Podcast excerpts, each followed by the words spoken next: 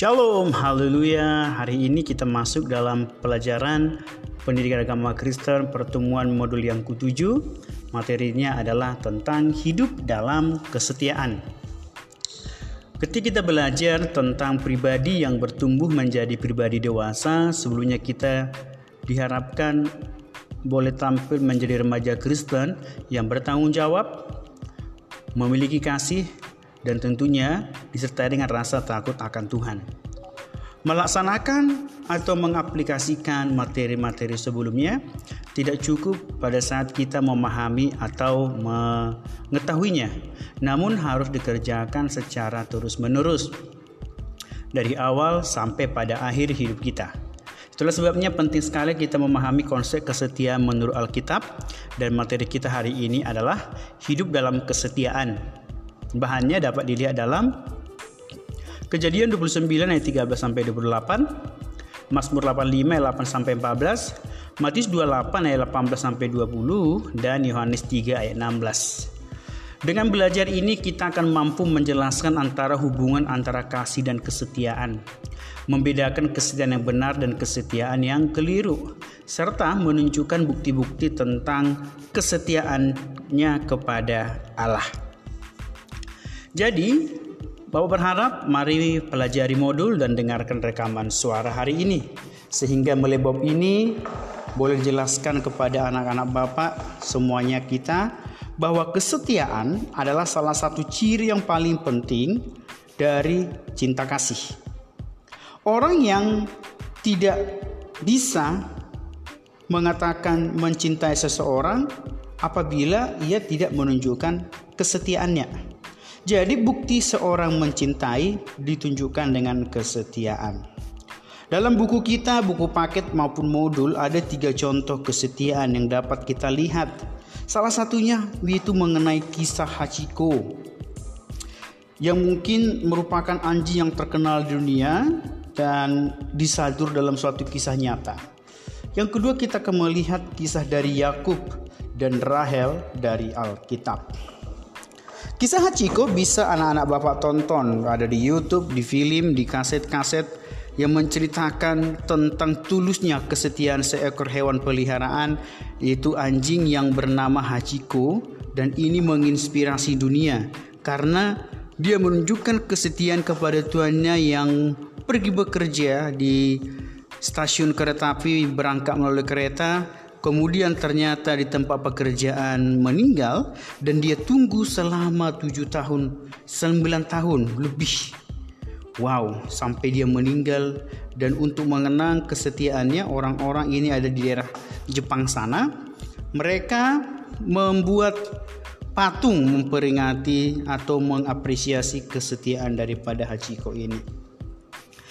Kalau kita lihat di dalam Alkitab, kita bisa belajar dari Yakub tentang kesetiaannya terhadap orang yang dia kasihi.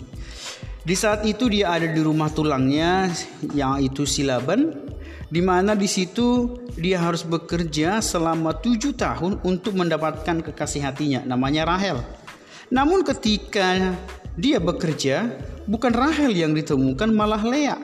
Dia kecewa tapi karena dia sangat mencintai, dia bekerja tujuh tahun lagi, 14 tahun lamanya dia untuk mendapatkan cintanya yang bernama Rahel. Sehingga apa yang terjadi? Dia mendapatkan cintanya oleh karena dia setia. Bapak mau tunjukkan dan kasih tahu orang-orang yang setia adalah orang-orang yang akan menuai hasil yang maksimal di dalam kehidupannya. Dan Bapak berharap kita menjadi pribadi yang setia. Kesetiaan di dalam bahasa aslinya disebut dengan kata pistis uh, yang berarti setia, kesetiaan pisteo. Dan ketika diterjemahkan ke dalam bahasa Indonesia artinya tidak hanya sekedar kesetia tapi juga artinya iman. Berarti kesetiaan dapat ditunjukkan ditampilkan hanya oleh mereka yang benar-benar beriman kepada Tuhan Yesus Kristus. Jadi untuk menjadi pribadi yang setia, mari kenali Tuhan kita secara baik dan benar.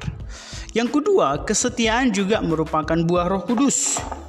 Buah Roh Kudus sembilan salah satunya adalah kesetiaan.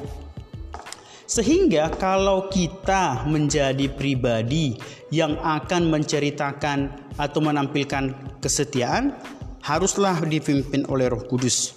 Dengan kata lain, menjaga hubungan yang baik dengan Tuhan. Jadi, selain beriman kepada Tuhan, jagalah hubungan yang baik dengan Tuhan. Tentunya kita akan menemukan juga contoh-contoh kesetiaan yang lain. Kita akan lihat dari cerita-cerita firman. Hal ini menunjukkan berarti kita harus ber ber menyiapkan diri atau menyesuaikan diri terhadap kebenaran firman Tuhan. Dan Bapak berharap kita menampilkan kesetiaan karena kita selalu berkomunikasi dengan Tuhan lewat kebenaran firman Tuhan. Di minggu ini Bapak mau tugaskan kita akan belajar tentang kesetiaan dan modulnya soalnya ada di Edmodo. Tolong perhatikan dan soal yang di modul tidak usah dikerjakan, kerjakan saja yang di Edmodo sama soalnya. Memang kesetiaan tidak selamanya baik, bukan tidak baik, tidak selamanya seindah kita bayangkan karena ada konsep kesetiaan yang keliru. Kesetiaan yang keliru menunjukkan kesetiaan yang tidak mempermuliakan nama Tuhan sehingga mereka mau tawuran, mau berantem karena dengan istilah setia kawan. Tapi kalau seperti itu bukanlah bagian anak-anak Tuhan.